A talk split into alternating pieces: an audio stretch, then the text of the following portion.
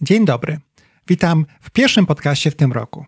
I przy okazji chciałbym życzyć Ci spełnienia wszystkich marzeń, zarówno tych zawodowych, jak i osobistych. Chciałbym Ci również bardzo serdecznie podziękować, że jesteś i że słuchasz mojego podcastu. Ja i moi goście jesteśmy naprawdę wdzięczni, że możemy spędzić z Tobą trochę czasu. A teraz zapraszam serdecznie do wysłuchania rozmowy z Gregiem Albrechtem, doradcą zarządów, inwestorem, mówcą i podcasterem.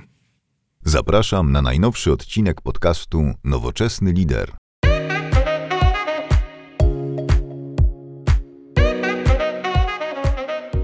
Dzień dobry, witam Was serdecznie w podcaście Nowoczesny Lider i moim Waszym gościem jest Greg Albrecht. Dzień dobry, Greg. Cześć Sebastian, witam wszystkich słuchaczy. I teraz, Greg, y, postaram się powiedzieć, czym się zajmujesz, ale ta lista jest długa, więc pomóż mi, w razie czego to bym coś ważnego opuścił dla ciebie. Ale Greg jest przedsiębiorcą, doradcą i inwestorem branży technologicznej, czyli super, jakby kochamy technologię, super. Założycielem firmy Albrecht Partners y, i cofounderem w Next, Gen Angels. I to pewnie bym trochę popytał, co, co taki cofounder Next Gen Angels czyni i robi. To będzie bardzo interesujące. Oraz kolega podcaster, który publikuje regularnie podcasty. Masz już chyba 200, prawda? Dokładnie. Niesamowity wynik, bo ja, ja, starałem się publikować bardziej regularnie jeszcze w zeszłym roku, aczkolwiek nie będę ukrywał, że trochę pandemia mnie przytłoczyła chyba i trochę się poddałem, natomiast staram się raz na dwa tygodnie odcinek jakiś wypuścić dla moich słuchaczy. I powiedz mi, Greg, tak y, czysto po ludzku, powiedz mi, tyle ról, tyle obowiązków, jak ty w ogóle organizujesz swoje życie, żeby znaleźć na to wszystko czas? Bo to jest po prostu niewiarygodne. E, no właśnie, to jest pytanie, które często mi różne osoby zadają. Myślę, że to jest konsekwencja trochę mojej pasji związanej z tym, żeby być mądrze leniwym, czyli skutecznie robić jak najmniej i też y, łączyć, czyli znajdować punkty wspólne dla tych rzeczy, y, które robię. To może powiem w skrócie, jakie są te punkty wspólne i też jak osiągam to, że jestem leniwy, bo to mogą być takie dwa elementy, które mogą być ciekawe. Jeżeli chodzi o punkty wspólne, to choć wydaje się, że robię wiele różnych rzeczy, to wszystkie de facto są skupione wokół jednej platformy, która integruje ludzi związanych z technologiami, przede wszystkim właścicieli i szefów firm, bo nie działam w zasadzie z osobami, które nie są albo właścicielami, albo szefami firm. I mm, z tej perspektywy, zarówno mój newsletter, jak i podcast, jak i moje projekty doradcze, jak i inwestycje, wszystkie y, te elementy krążą wokół de facto rozmów z właścicielami, szefami firm, y, których czasem nazywamy liderami, tak jak w, w swojej książce ich pięknie nazwałeś. I, I to jest ten wspólny mianownik, czyli te role y, w różnych obszarach, w których działam, się przenikają. Teraz, jak to y, zrobić w czasie? No, nie działam sam, chociaż to może tak trochę wygląda, bo jestem twarzą tych różnych y, aktywności, ale w Next Gen Angels moim wspólnikiem i mózgiem operacji jest Robert Dietrich. W Albrecht Partners mam fajny zespół, który pomaga i w tematach kontentowych, i w tematach takich koordynacyjno-biznesowych, i też jest kilku e, partnerów, którzy uczestniczą w projektach, czyli w każdym z tych segmentów, w których działam, staram się maksymalizować e, pracę innych, e, minimalizować swoją własną i skupiać się tylko na tym, w czym rzeczywiście potrafię wnosić wartość, w czym zazwyczaj jest prowadzenie skutecznych e, rozmów, które pomagają ludziom zmienić ich perspektywę, może zobaczyć nową perspektywę i rozwiązywać problemy. No, no, właśnie chciałem cię spytać już od razu automatycznie o twoją super, super, o twój superpower, czyli właśnie gdzie, Greg dodaje wartości. E, wygląda to wszystko bardzo rozsądnie i ciekawe co opowiadasz. Faktycznie wiele inicjatyw, ale jeśli masz dobry zespół, to zespoła sukcesu, jeśli nie czy czwarte tak naprawdę. Tak, to prawda. Ale powiedz mi jeszcze, bo myśmy trochę, dzisiaj trochę luźnie rozmawiać w ogóle i taki temat miał być pewnie, pewnie się przetoczy przez pudelki, inne social media i tak, takie inne bardzo znane platformy jakby mamy, y, nagrywamy ten podcast przed końcem roku, ale pewnie będzie puszczony po nowym roku. I takim zawsze tematem jest postanowienia noworoczne. Mm -hmm. I to mhm. różne, prawda? I takie biznesowe, i prywatne, i siłownie są wtedy przez dwa tygodnie przypełnione wszystkimi chętnymi, aby od nowego roku zacząć solidnie trenować. Jak ty się na to zapatrujesz? To w ogóle jakiś taki, taki przełom, taki wiesz, mentalny, końcówki roku w ogóle ma dla ciebie sens, robisz jakieś postanowienia, pewnie każdy ma jakieś własne podejście, ale jak Grek mhm. do tego podchodzi? No oczywiście jest w tym dużo zabawnego takiego czynnika pod tytułem nowa ja, nowy rok i w ogóle super od jutra będę robił wszystko inaczej, więc jest zawsze pytanie, dlaczego nie zacząłem robić wszystkiego inaczej tydzień wcześniej. Także z takimi radykalnymi zmianami to się oczywiście mm, specjalnie nie zgadzam i ich sobie nie obiecuję, ale mam parę metod, które stosuję w każdym nowym roku. Jedną z nich jest analiza wsteczna tego, co zrobiłem w zeszłym roku i wyrzucenie różnych rzeczy po przejrzeniu kalendarza e-maila, czyli jakich spotkań, jakich tematów bym się w nowym roku nie podjął i to rzeczywiście robię. To nie jest jakiś y, znowu 0 do 1, tylko to jest taka gradacja, y, drobne korekty kursu, które pozwalają mi odzyskiwać czas i to też rekomenduję. Spojrzeć na to, ile czasu przepaliliśmy na przykład na bezsensownych spotkaniach, y, analizując swój kalendarz. E, drugi temat, który od lat praktykuję, to jest y, tak zwane hasło roku. Ja to nazywam. Miałem taki rok, w którym powiedziałem hasło moje, taki drogowskaz na ten rok to jest balans, ponieważ byłem kompletnie wybity z takiego balansu i byłem ciągle jakiś taki nerwowy i, e, i, i przemęczony, więc powiedziałem, to jest hasło klucz, balans. I teraz, kiedy mam taki bardzo prosty drogowskaz, który mi przyświeca, to jak podejmuję decyzję potem w danym roku, to zawsze sobie przypominam, ok, jakie jest to jedno hasło, którym będę e, szedł i którym będę podążał w tym roku i za tym e, to mi pozwala w taki wysokopoziomowy sposób trochę e, mieć punkt odniesienia, tak jak w strategii, do decyzji, które podejmuję, w, a nie na zasadzie tworzenia jakichś bardzo złożonych e, planów, które zazwyczaj są pewnie bardziej ambitne niż, niż da się je osiągnąć. Aczkolwiek też uważam, że fajnie jest postawić sobie pewne cele, bo mam takie doświadczenie, że kiedyś napisałem sobie na kartce, to brzmi jak jakiś opowiadania jakiegoś e, szaławiły wirtualnego guru z LinkedIna, ale no akurat to jest rzeczywiście prawda. Kiedyś napisałem sobie na kartce przeczytania takiej książki The Code of an Extraordinary Mind, takich kilka punktów, które chciałbym zrealizować w swoim życiu tam pod kątem zdrowia i tak dalej, i tak dalej. Wsadziłem to naprawdę do szuflady, wyjąłem po pięciu latach i zrealizowałem chyba 9 z 10 punktów. Y, myślę, że to jest też tak, że trochę kodujemy jednak swoją podświadomość na te cele, więc to, że oczywiście nie schudnę 50 kilo do jutra, y, ale jednak jak podejmę wewnętrzną decyzję, żeby schudnąć, no to w jakiejś perspektywie schudnę. I to takie optymistyczne podejście do celów. Y, no, oczywiście mm, postanowienia noworoczne uważam, że to jest dobra energia, żeby jednak coś zmienić w swoim działaniu, tylko może niewiele rzeczy naraz, tylko jedna prosta rzecz i. Mm, i trzeba naprawdę wiedzieć dlaczego, bo y, to też jest myślę a propos tego pudelka, tak? Y, okay, muszę być chudy, bo ludzie na Insta będą uważali, że jestem fajniejszy, no okay, ale czy to naprawdę jest dla mnie takie ważne, czy to jest moja wewnętrzna motywacja, czy jest coś, co jutro, pojutrze, kiedy będę chciał sięgnąć po kawałek czekolady, będzie powodowało, że rzeczywiście będę chciał z tego zrezygnować? Nie wiem, więc myślę, że też fundamentem w postanowieniach jest znajdowanie tej prawdziwej motywacji do tej zmiany. O czym zresztą też piszesz w waszej książce. 100%. Znaczy to się zawsze śmieję, że, że ten podcast będzie naprawdę, mam nadzieję, trochę luźny, czy luźniejszy niż zazwyczaj, ale, ale zawsze mówię, że czekolada w końcu to są praktycznie warzywa, prawda?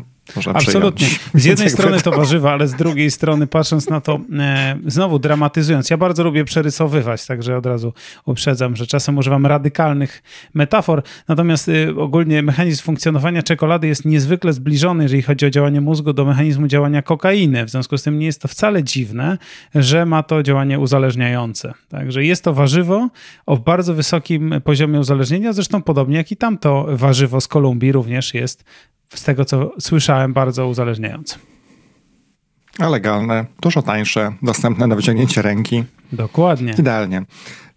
E, no, powiem ci szczerze, że ja również, jak myślę sobie o nowym roku, to Jakoś nie robię sobie nigdy takich, e, może powinienem nawet taki właśnie jeden cel na ten, na taki, wiesz, ten rzędny, taki, taki to, taką prawdziwą gwiazdę północy sobie zrobić na 2022. Powiedzia a, mogę powiedzieć tak, powiedziałeś, że powinieneś postawić sobie taką gwiazdę północną. Pozwól, że złapię cię mhm. za słowo i powiem, skąd mhm. to poczucie powinności w tobie?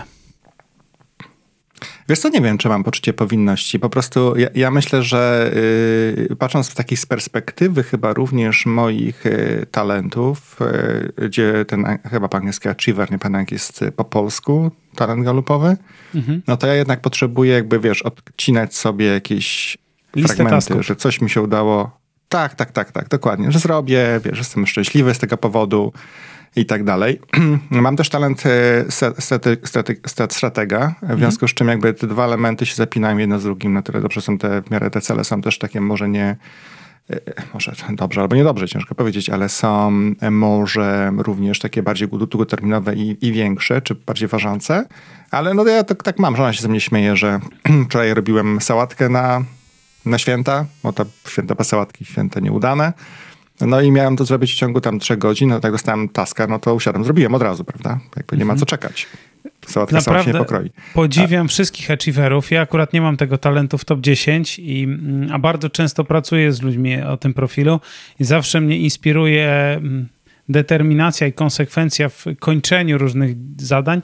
Najczęściej znowu jako wyzwanie widzę to, że ta lista zadań jest tak długa i bardzo trudno jest czasem priorytetyzować osobom, które to mają, chociaż pewnie ty z talentem stratega mm, sobie lepiej radzisz z priorytetyzowaniem, ale często osoby, które mają wysoko tego achievera, potem toną w tych różnych niedokończonych zadaniach, których dodają sobie cały czas mnóstwo do tej listy.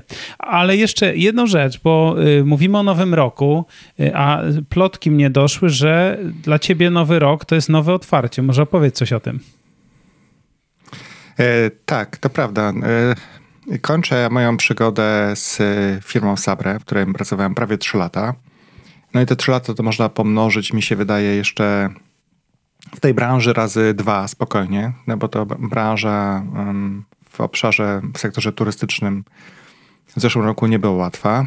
E, I przechodzę do nowego mm, pracodawcy, który tym razem będzie to też po raz pierwszy taka prawdziwa praca zdalna. W ogóle jestem prze- przerażony tym, powiem ci szczerze, bo jakoś sobie y, pracę bez interakcji nie do końca wyobrażam. Więc jakoś będę musiał się do tego dostosować i pewnie jakoś sobie z tym poradzić, ale to prawda. Mamy nowy rok. Właśnie też chciałem cię spytać o poradę, jeśli masz takową oczywiście. Jak to człowiek poradzić w nowym miejscu? Co byś mógł zarekomendować takiej osobie jak ja? Takich osób, które widziałem na LinkedInie wrzuciło sporo informacji o tym, że od nowego roku zmieniam pracodawcę. Było naprawdę sporo w grudniu. To też była ciekawa obserwacja, że jakoś ten rynek bardzo mocno się uruchomił znowu i ludzie na różnych poziomach e, zaczęli szukać e, nowych możliwości. Też jest pytanie, czym kierowanych. Ale właśnie, Greg, może jako, ja, jako taki prawdziwy, dobry doradca dla zarządów, dla firm, może coś podpowiesz mniej słuchaczom. Zajrzyj koniecznie na blog nowoczesnylider.pl, gdzie znajdują się dodatkowe materiały dotyczące tego podcastu.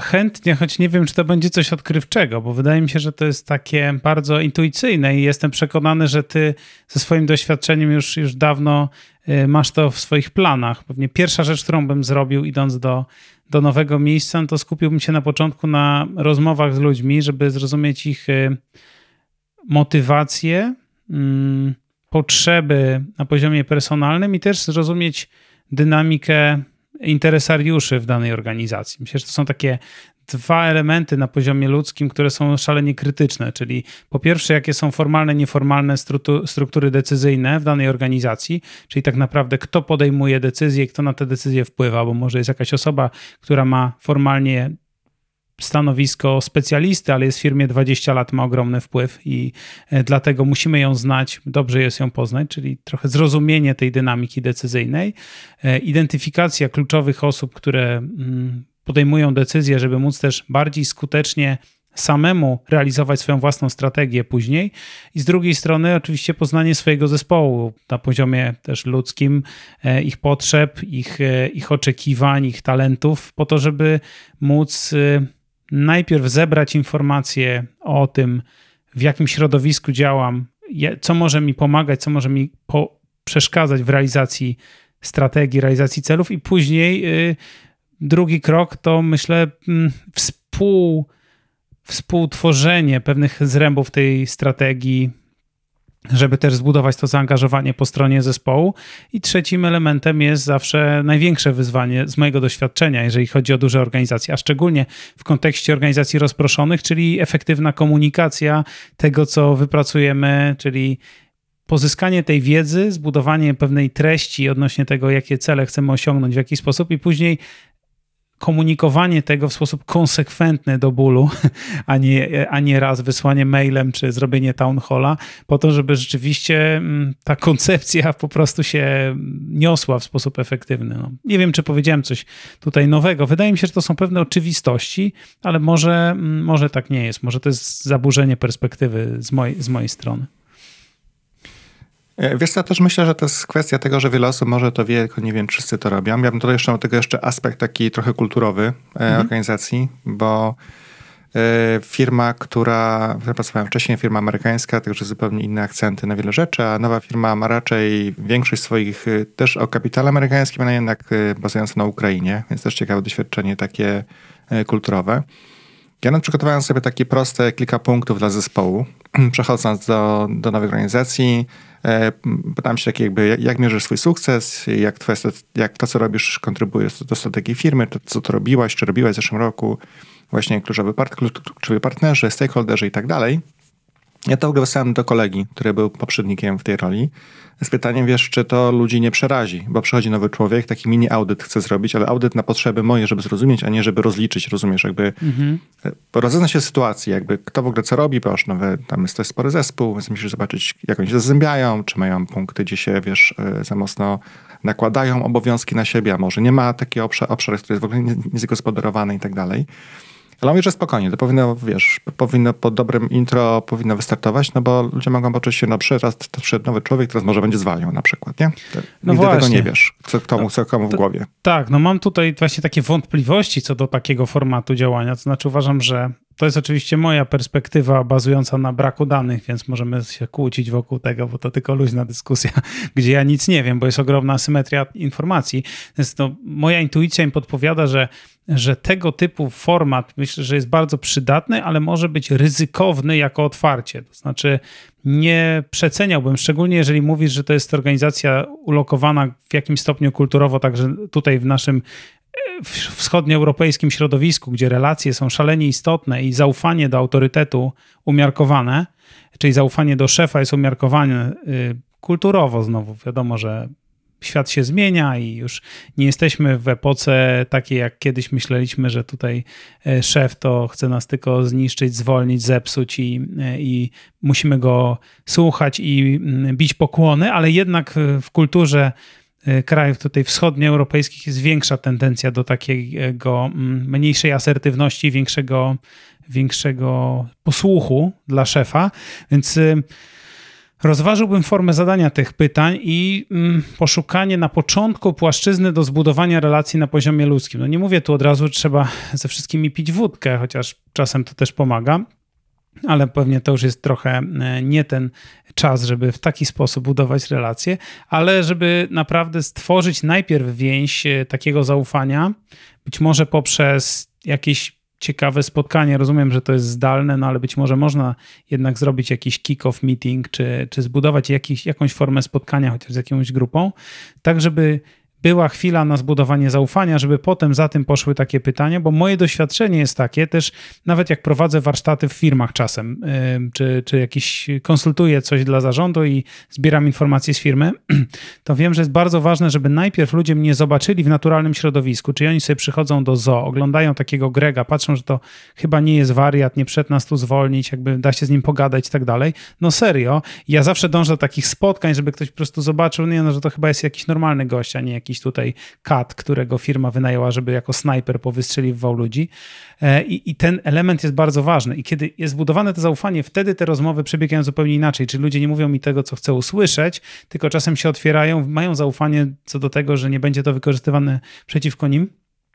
I jakość tych informacji zebranych jest po prostu dużo wyższa. Wiesz, teraz, to co powiedziałeś, 100% się z tobą zgadzam. Jakby tutaj to był dość oczywiście spory y, skrót myślowy. Mhm. Dodam jeszcze, że część z tych osób y, słucha też tego podcastu i pewnie będą widzieli to, to nagranie. Więc jakby mam nadzieję, że jeśli słuchacie moi koledzy z nowej firmy tego nagrania, to, to Greg właśnie wytłumaczył bardzo dobrze, jaka jest intencja, bo też się zawsze śmiałem, że, że są takie osoby trochę, wiesz, ukryte, nieznane na rynku, jakby nie wiesz, co im głowie siedzi No tak. ale jak posłuchasz mnie, czy posłuchasz ciebie, no to jakby, jeśli ktoś ma odrobinę mm, dobrej woli, żeby się mm, zapoznać z tym osobnikiem wcześniej, jak powiedziałeś, to w naszym przypadku to jest żaden problem. Ale 100% się zgadzam. Znaczy tam, no. wiesz, że jakie spotkanie było wcześniej i tak dalej. Ja to pewnie rozumiem, pytałem też, czy nawet po tym takim momencie wprowadzenia, wiesz, jeśli chodzi o dyskusję, czy to nie przerazi, ale no zobaczymy. Intro oczywiście będzie odpowiednie do zespołu, po co to komu, dlaczego A. to pytam. No, moje nie chcę tutaj wątpić w niczyje zaangażowanie, a moje doświadczenie, jeżeli chodzi o nawyk ludzi do tego, żeby zbierać informacje wcześniej, mm, to nie jest to powszechna tendencja. To znaczy, zauważam, że czasem bardzo nie, bardzo nie wykorzystujemy tego, tej możliwości zapoznania się z kimś poprzez na przykład posłuchanie jego materiałów. Co w Twoim przypadku jest rzeczywiście bardzo dostępne. To znaczy, jakbyś miał zostać moim szefem jutro, no to po prostu bym przesłuchał 10 e, podcastów Twoich, przeczytał książkę, którą przeczytałem, e, i mm, wtedy bym miał poczucie, w jakim kontekście będziemy, mm, że tak powiem, się poruszać, jeżeli chodzi o otwartość, zaufanie, wartości, zasady działania, i wtedy byłbym pewnie inaczej nastawiony także do, do tej komunikacji. A w ogóle robisz taką, taki research sobie, Greg, przed spotkaniem z kimś, zanim się, wiesz, spotkasz z kimś, czy biznesowo, czy też nie, to, to już nieważne. E, bo ja osobiście, jak mam spotkanie z kimś, to przynajmniej przyglądam e, sumienie jego LinkedIna wcześniej. Mhm. Wiesz, jak patrzę, co on tam pisał, co publikował i tak dalej. Tak, na, na LinkedIna wchodzę i też w wielu kontekstach robię taki e, background check. To szczególnie w kontekście inwestycji ma duże znaczenie, prawda? Bo tam to mm, obstawienie właściwego konia, może to brzydko brzmi, ale postawienie na właściwą osobę jest szalenie istotne i element tego sprawdzenia, z kim ma się do czynienia i w ogóle ta branża, w której funkcjonuje, pewnie wszyscy fun funkcjonujemy oba i wiele innych osób, ale ja czuję to szczególnie w kontekście tej platformy, e, którą buduję, inwestycyj, elementy inwestycyjne, elementy doradcze, jest szalenie bazuje na zaufaniu. W związku z tym ja bardzo mm, dbam o swoje słowo i o tę wiarygodność, i tak samo elementem tego jest istotna kwestia, z kim, w jakich kontekstach pracuję. I robienie takiego background checku jest niezwykle przydatne, szczególnie przed jakimś zaangażowaniem się w jakiś większy projekt. Znowu, jeżeli chodzi o podcasty, powiem szczerze, mam inną strategię. E, to jest e, jedna z dwóch, które można podejmować, kiedy się prowadzi rozmowy, ale raczej wybieram strategię białej kartki, czyli są tacy dziennikarze prowadzący podcasty, rozmówcy, którzy po prostu robią e, niemalże wywiad na temat danej osoby i potem zaskakują ją tym, że są przygotowani, przeczytali różne fakty. E, moja strategia jest taka, żeby wychodzić raczej z poziomu wiedzy słuchacza, czyli z poziomu zero lub bardzo niewielkiej i dzięki temu zostaje we mnie taka autentyczna ciekawość tego, czego się mogę o tej osobie dowiedzieć, i myślę, że to jest odwzorowywane w tych rozmowach. Czy nie jest to tak, że ja odtwarzam i prowadzę do odpowiedzi na pytania, które, które znam, bo chciałbym, żeby ktoś w moim podcaście powiedział to, co usłyszałem gdzie indziej albo przeczytałem, tylko raczej e, staram się wychodzić z poziomu takiego zero i dzięki temu mamy ten sam poziom e, wiedzy ze słuchaczami. To drobna dygresja i po, pozwól, że podrążę ten temat właśnie e, Next Gen Angels, mhm. inwestycji, innowacji i tak dalej, ale ja, ja, myślę, że zgadzę się z tobą. Ta biała kartka jest e, bardzo ważna i czasem też o osobach nie ma zbyt dużo w sieci. Ale są takie osoby, które są bardziej rozpoznawalne, którym na przykład bardzo staram się nie zadać takiego samego pytania jak 60 tysięcy osób wcześniej. Jak wspomniałeś, tak moje pierwsze pytanie do ciebie, jak organizujesz czas? Odpowiedź była, no często mnie o to pytają. Mhm. Jakby to prawda, bo nie zrobiłem researchu do, dość dobrego na twój temat. Mhm ale jak masz taką osobę, która jest znana, to okej, okay, dobra, na same pytania, no to dobra, zróbmy to jak szybko się da i idę dalej, nie? Tak naprawdę. Mam takie wrażenie czasem, wiesz? Tak? Nie, ja uważam, że ja to powiedziałem, może to źle zabrzmiało. Moją intencją do powiedzenia tego, że często jest zadawane to pytanie jest to, że faktycznie, nie dlatego, że nie chcę odpowiadać na te pytania, że faktycznie jest to dość zaskakujące, kiedy się na to spojrzy z zewnątrz. To znaczy, rzeczywiście często różne osoby zadają mi to pytanie niekoniecznie w wywiadzie, tylko w jakichś różnych sytuacjach, bo wydaje się to trudne do wyobrażenia sobie, myśląc w tradycyjnym, konwencjonalnym modelu zarządzania organizacją i organizowania sobie czasu, żeby rzeczywiście móc połączyć tak wiele ról w jednym momencie, w jednym miejscu.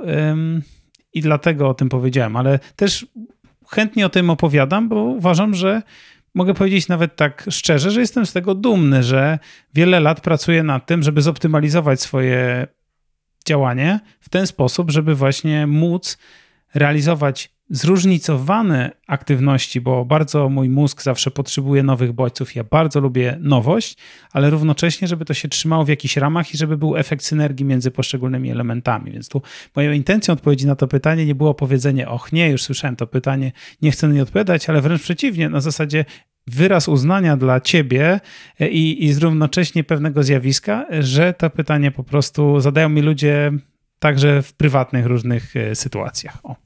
To miałem na myśli. Żaden problem, tylko, tylko, to był przykład być może nie, nie, nie poradny, ale, ale jeśli chodzi o takie bardziej, wiesz, takiego wysokiego, wysokiego kalibru osoby, które często mówią, to mhm. też powiem ci szczerze, ja zauważyłem, że, że niektóre osoby, które są jakby widoczne dość mocno e, w mediach, one mówią zawsze to samo. Ze względu na pytanie wracamy na sam koniec do tej samej odpowiedzi, więc jakby to jest inna bajka.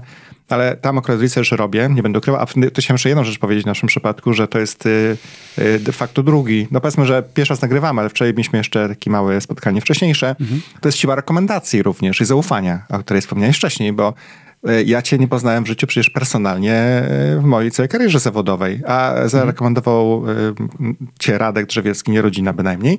I stwierdziłem, no to chciałbym takiego Grega poznać, bo Radek mówi o tobie same dobre słowa. I to jest też ten element z, wiesz, networkingu, tak. pytania się o ciekawe osoby. Jak szukam jakieś nazwiska, a Radek mówi, o to może Grega zaproś do podcastu. Ej, fajny pomysł, jak to to jest.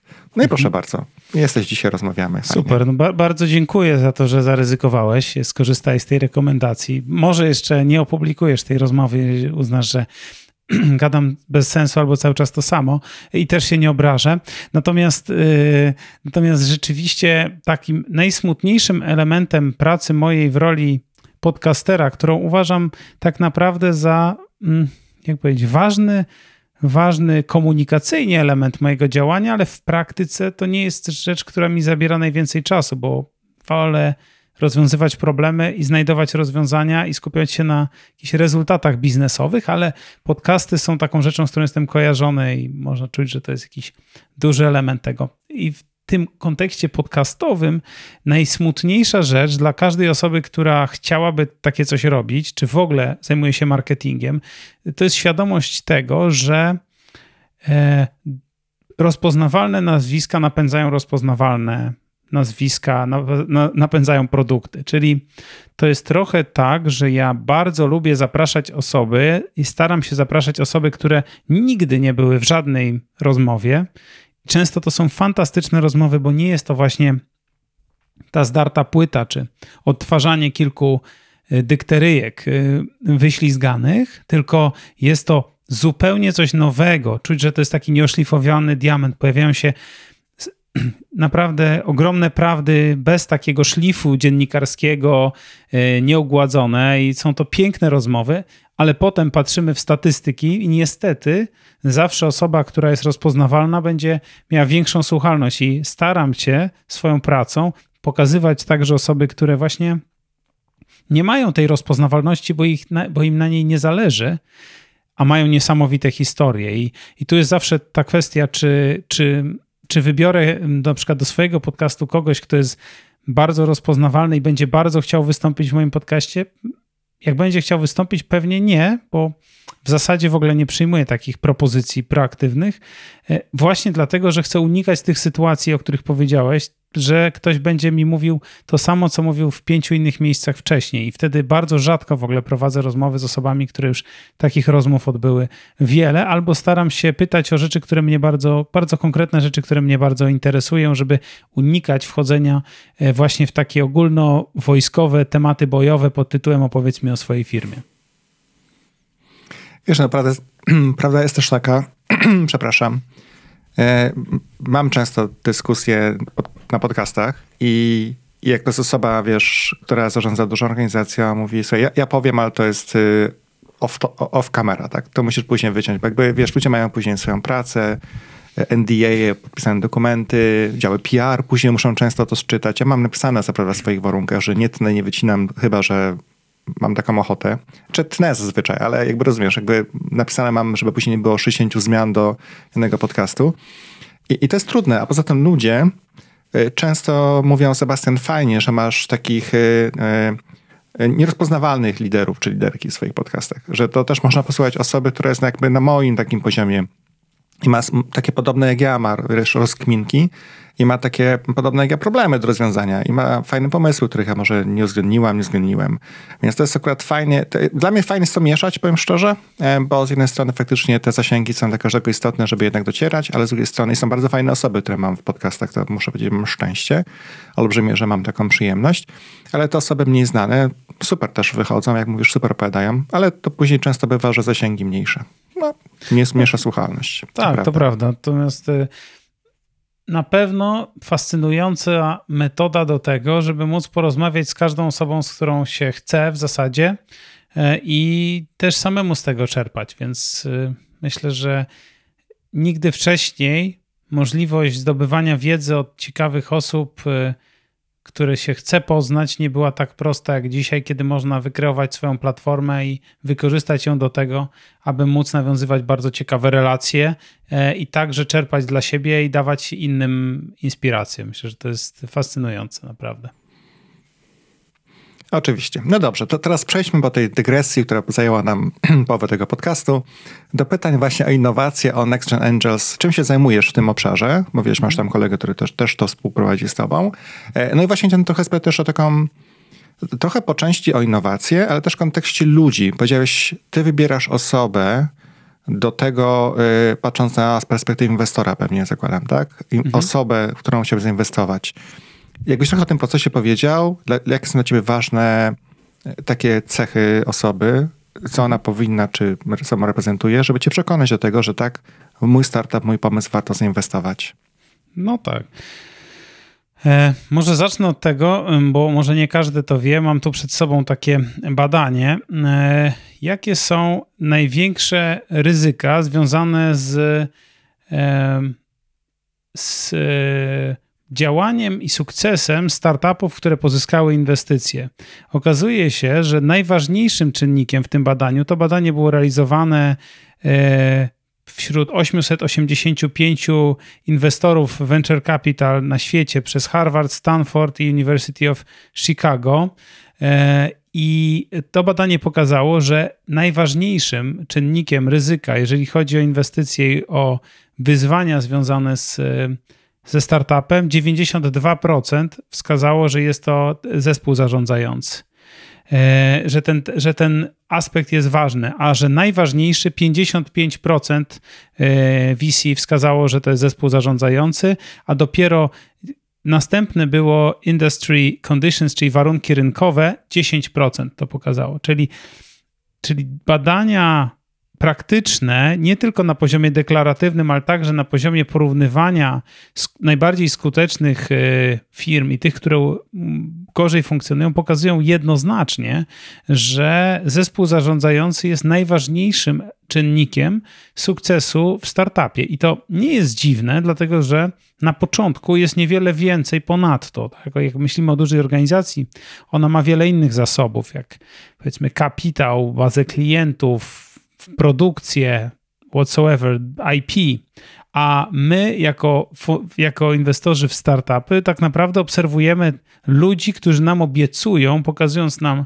kartkę papieru i być może jakąś szczątkową, początkową trakcję, że wierzymy, że ci ludzie nie będą spać w nocy i będą zagryzać zęby y, przeciw, y, przeciwstawnościom losu i będą y, konkurować na niezwykle skomplikowanym globalnym rynku o, o klienta, tak żeby zbudować wiodącą pozycję lub topową pozycję w danej kategorii. No to jest ogromna gra o wiarę, oparta o wiarę, ale też o te cechy indywidualne. I, I do tego jakby chciałem powiedzieć, że to nie jest tak, że sobie możemy, uważamy, że ach, ten funding team to jest jakaś tam jeden z czynników sukcesu.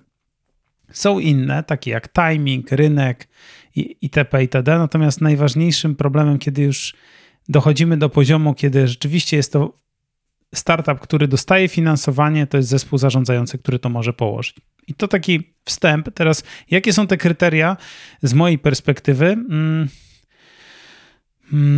jest ich kilka. E, na pewno mm, istotne jest e, to, żeby, żebym zrozumiał, jaka jest motywacja danych osób do tego, żeby rozwiązywać właśnie ten konkretny problem. To jest szalenie istotne i bardzo interesujące, kiedy się to obserwuje. To znaczy, jest jakaś grupa startupowców, oportunistów, którzy bardzo dobrze czytają Excel, bardzo czytają dobrze te analizy rynkowe, widzą szanse rynkowe w danych kategoriach i próbują iść tym kluczem uzupełniania luk rynkowych po prostu, bo mają czas, myślą, że pozyskają finansowanie, rozwiążą ten problem. Myślę, że dość rzadko jest to wystarczająca motywacja do tego, żeby osiągnąć sukces. Y, obserwuję to, że raczej ta większość tych startupów, które osiągają sukces, jest prowadzona przez ludzi, którzy w danej kategorii mają jakiś mocny powód do tego, żeby rzeczywiście kreować rozwiązanie czy wartość w tej właśnie dziedzinie. Jest jakiś, jakiś bardzo ważna motywacja. Drugi aspekt to jest y, y, oddanie temu projektowi. No, to oczywiście jeden aspekt jest taki, żeby ktoś naprawdę decydował się pracować na full w tym y, projekcie. Też często na początku ludzie starają się to w jakiś tam sposób godzić i bardzo uzależniają swoją zmianę w sposobie mm, pracy nad projektem od jego powodzenia, natomiast kiedy no, ja inwestuję w coś, to chcę, żeby ktoś się naprawdę tym zajmował na serio, tak? Jeżeli ma wcześniej rozterki, to niech sobie samemu to finansuje, ale kiedy ja chcę w to inwestować, to chcę, żeby ta osoba była w to zaangażowana w pełni. No, bardzo ważnym czynnikiem są też wcześniejsze doświadczenia, czyli e, co ta osoba robiła i jaką ma wiedzę o model, modelu funkcjonowania tego rynku VC, rynku finansowania startupów, bo wbrew pozorom to jest bardzo konkretna gra z bardzo uporządkowanym systemem sposobu działania i gry, to znaczy trzeba cały czas pozyskiwać kolejne rundy finansowania, trzeba wiedzieć, jak prowadzić rozmowy z funduszami VC, trzeba wiedzieć, jak planować swoje cele na kolejne okresy między jedną rundą finansowania a drugą, trzeba mieć pomysł na to, gdzie się chcemy uplasować na globalnym rynku, jaki mamy pomysł na exit, czyli że to jest trochę tej emocji i tego zaangażowania, ale trochę też bardzo konkretnej wiedzy, jak na tym rynku sobie radzić, żeby przetrwać, bo to także jest nie tylko walka o klienta, ale także walka o najlepsze finansowanie, najlepsze fundusze, żeby wystarczająco szybko dostarczać, dostawać kapitał, żeby budować największe, e, największe prawdopodobieństwo sukcesu. E, no i też y, rzadko E, rzadko ja inwestuję i ogólnie niezbyt dobrze na to patrzą fundusze też e, w takie single founder startups, no bo wiadomo, że mając jedną osobę jako lidera, mamy większe ryzyko e, pewnego takiego zakrzywienia perspektywy, jeżeli chodzi o, o biznes, czyli że zespoły skomponowane z dwóch, trzech osób, które mają różną wiedzę domenową, na przykład w zarządzaniu ogólnym, w technologii, w marketingu, będzie suma tych doświadczeń będzie budowała dużo, będzie zwiększała prawdopodobieństwo sukcesu um, tego startupu. To są takie pierwsze, może dość oczywiste mm, elementy, a później powiem szczerze, że też bardzo obserwuję, jaka jest chemia i jaki jest model komunikowania się. To znaczy, czy ta osoba wzbudza moje zaufanie, czy widzę, że w w na jakich zasadach gra w tę grę zwaną biznesem? Czy ma sprecyzowane i przemyślane oczekiwania co do tego, jak chce wykorzystać kapitał, e, który zostanie pozyskany? I też z mojej perspektywy, no ja też muszę wnieść wartość jako anioł biznesu, czy ja znam się na tej dziedzinie i czy jestem w stanie rzeczywiście wnieść wartość, bo czasem widzę bardzo ciekawe projekty, ale po prostu ich nie rozumiem lub na przykład mam za małe kompetencje w danej kategorii i wtedy nie pcham się do takich inwestycji, bo realnie nie wniosę tam żadnej wartości. To tak w skrócie jak myślę o, o wyborze founderów. Ja powiem ci, że wiedziałem jeszcze, teraz nie, nie wspomnę, nie pamiętam kto wrzucił tę statystykę, ale było też nawiązanie przy startupach, którym udało się odnieść większy lub mniejszy sukces, mhm. poziom wykształcenia osób, które prowadziły te projekty. Mhm. I utarło się generalnie, że, że większość e, startuperów nie poszła na studia, zajęła się pracą, zrobiła projekt, wygrała, odniosła sukces. Z tej statystyki wynikało, że tylko chyba 2% osób nie skończyło chyba koleżów, to było chyba w Stanach. Natomiast y, ponad 50% chyba osób, z tego co pamiętam, skończyło studia, zrobiło MBA albo doktoraty nawet. Nie wiem, czy czy przed, czy po, to jest inna kwestia. Zawsze to jest nie, nie wiem, czy jest podane, jak robią badanie, ale czy też ty z twojej perspektywy patrzysz na taki element jak wykształcenie danej osoby? Czy to w ogóle jest dla ciebie e... nierelewantne? Mm, nie jest to specjalnie istotne. Myślę, że w Stanach i w ogóle także w każdym środowisku biznesowym, e, ale w Stanach szczególnie, element tego wykształcenia to też jest pewien, pewien elitaryzm i networking, więc może się nakładać kwestia kompetencji z kwestią networku moich koleżanek i kolegów ze Stanfordu, z Harvardu i tak dalej. I ten aspekt też jest nie do przecenienia. Znaczy nie to, że ignoruję, uważam, że wiedza yy, i rozwój intelektualny nie mają znaczenia dla tego, żeby osiągać sukces, yy, ale myślę, że są inne czynniki, które mogą mieć większy wpływ, takie jak konkretne doświadczenie w danej dziedzinie, zainteresowanie, ogólna elastyczność myślenia, zdobywanie wiedzy w ogóle, a niekoniecznie w formie takiej. Natomiast zdolność budowania relacji jest szalenie istotna do tego, żeby móc e, tworzyć, e, budować tę skalę i chociażby bycie w środowisku osób, które e, mają wykształcenie wyższe w Stanach, ergo dysponują innym kapitałem i innym networkiem, niewątpliwie zwiększa prawdopodobieństwo sukcesu. To, jest, to też jest element, który niekoniecznie musi być związany na, czysto z wykształceniem, a który może wpływać na, na, ten, na to powodzenie. Natomiast to, co mm, myślę, że jest też niedoceniane, bo mówi się o tym takim startupowcu garażowym, co tam bardzo chce i on zaciska pięści i leci i on sobie daje radę. Jednak elementem ważnym jest też umiejętność pewne takiego korzystania z najlepszych praktyk. Widzę, że ludzie, którzy rzeczywiście mają większe prawdopodobieństwo sukcesu, pracowali albo e, w konsultingu, albo w tych e, dużych firmach technologicznych, albo wcześniej pracowali w jakimś dużym startupie, żeby zrozumieć, jak działa ta kultura, nauczyć się pewnej kultury komunikacyjnej i tak dalej. Tu widzę rzeczywiście, że osoby, które są wyrwane z kontekstu, ale bardziej to właśnie bym mm, zrzucał na karp networkingu, środowiska, w którym się jest, niż wiedzy merytorycznej zdobywanej w trybie edukacji formalnej. Te osoby, które są wyrwane z tego kontekstu środowiskowego, mają trudności, żeby się dopasować później i na jak równy z równym komunikować się chociażby w kontekście kooperacji B2B między biznesami. Tak? No, ciężko jest nawiązać relacje z dużym biznesem, nie wiedząc, jak przebiegają procesy decyzyjne, nie umiejąc tego komunikować, nie widząc tego, nie mając tego zrozumienia chociażby dla interesariuszy takie aspekty się rozumie, kiedy się pracowało w dużej organizacji, wie się, jak to się działa, jak się sprzedaje pomysły, jak się y, sprzedaje swoje rozwiązania, jak się zdobywa y, projekty, i to jest czasem ograniczenie. To jest bariera tego takiego self-made mana, który czasem nie miał przestrzeni na to, żeby doświadczyć bycia w środowisku innym niż środowisko swojej własnej firmy, o tak bym powiedział. I to rzeczywiście już dzisiaj przestaje wystarczać. Czyli dzisiaj widzę, że ci, którzy naprawdę zdobywają największe rundy finansowania, są przy okazji oczywiście też ludzie wykształceni, ale też ludzie, którzy mają mm, kontekst środowiskowy bycia wśród bardzo dobrych ludzi samemu i to po prostu ułatwia potem e, na każdym kroku budowanie tego biznesu. E, to ciekawe zobaczyć o tej kulturze i o tych kontaktach w Stanach. Faktycznie o tym zapomniałem. Nie pamiętam, że jakiś jeden z kolegów powiedział nawet, że no ten, y, ten, ten, ta, ta liga bluszczowa i uniwersytety tam, jeśli je kończysz, tak by zasadniczo zakłada się, że każda osoba, która nie skończyła tych uniwerków jest jakby od razu innej lidze, tak naprawdę. Jeśli chodzi o decyzje w firmach i tak dalej, to się zgadza. To w Polsce chyba nie jest rozpoznawalne, popularne, tam mnie to bardzo uderzyło, jakbym to powiedział, że jakby on przy swoim uniwersytecie nigdy nie będzie na stanowisku X, ponieważ jakby no nie, nie, nie obsadza się ich osobami spoza tej ligi. To jest chyba zboże własną firmę i tak dalej. Tak, to jest, to, jest, to jest rzeczywiście ciekawe i na ten temat pewnie więcej o swoich doświadczeniach mógłby powiedzieć mój wspólnik w Next Gen Angels, bo on y, zrobił MBA w Chicago Booth, który jest chyba najlepszym MBA-em na świecie.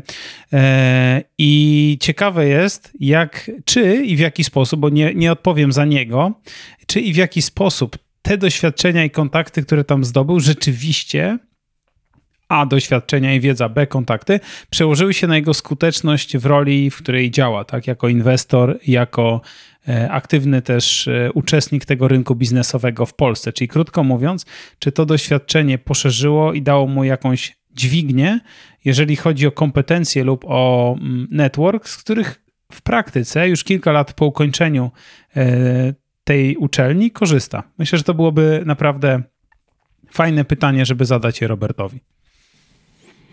Z przyjemnością. Rozumiem, że dostanę intro. Greg. Oczywiście, oczywiście. Mógł bardzo polecam. go na ten temat. Ale już e, powolutku e, zmierzając do brzegu w podcaście. Greg, powiedz mi, czego życzysz sobie 2022? Masz jakieś takie marzenia? Hmm. Wiesz, chciałbym e, życzyć sobie zdrowia, tego, żeby rzeczy, które które są dla mnie ważne, żeby mógł kontynuować e, i żeby sprzyjał mi szczęście, bo szczęście też jest potrzebne. E, I, i to chyba będzie tyle. Nie mam jakichś ogromnych celów na przyszły rok. Chciałbym, czy na ten rok, bo pewnie już jest teraz, będziemy, będziecie słuchacie tego w 2022, ale na pewno chciałbym po pierwsze w Albrecht Partners y, też wejść na kolejny poziom i kilka mm, działań y, nowych uruchomić wraz z zespołem i myślę, że jesteśmy na świetnej drodze. Jeżeli chodzi o Next Gen Angels, też mamy po pierwsze tutaj pewne formalne działania, które chcemy podjąć, po drugie chciałbym zrealizować co najmniej kilka inwestycji y, w fajne startupy w tym roku. Mm, jeżeli chodzi o życie osobiste, to też chciałbym mieć dużo czasu dla rodziny i, i móc e, ten czas też wygospodarować. I, e, I to są takie bardzo proste, przyziemne rzeczy, których możesz mi życzyć, e, bo na pewno się to szczęście i zdrowie przydadzą. To ci tego życzę, Greg, absolutnie dużo też jakby, wiesz, fajnych ludzi wokół ciebie. Na pewno masz dużo fajnych ludzi. Ja zawsze mówię, to, to jest, co najpiękniejsze w podcastach dla mnie. To jest to, że mogę poznać tak fantastyczną osobę jak ty, e, totalnie out of the blue. Nie, nie wiem, czy spotkalibyśmy się w kawiarni gadali przez godzinę. O tak bym o Greg, słuchaj, fajnie, fajnie wyglądasz, powiedz mi, powiedz mi, kim jesteś. Wiadomo, że to jest inna forma zupełnie, ale tak czasem to działa, że tak naprawdę jest szansa poznać super fantastyczne osoby, i pogadać naprawdę o fajnych rzeczach wartościowych. No szkoda, że zawsze to teraz e, zdalnie, no bo jakby to jest drugi element, ale też z drugiej strony ma to swoje plusy, bo siedzimy się sobie spokojnie, ty jesteś w ogóle gdzieś też w trasie i podziwiam to, że wziąłeś w trasę na święta mikrofon profesjonalny, także Greg, tutaj to olbrzymie kudosy za to.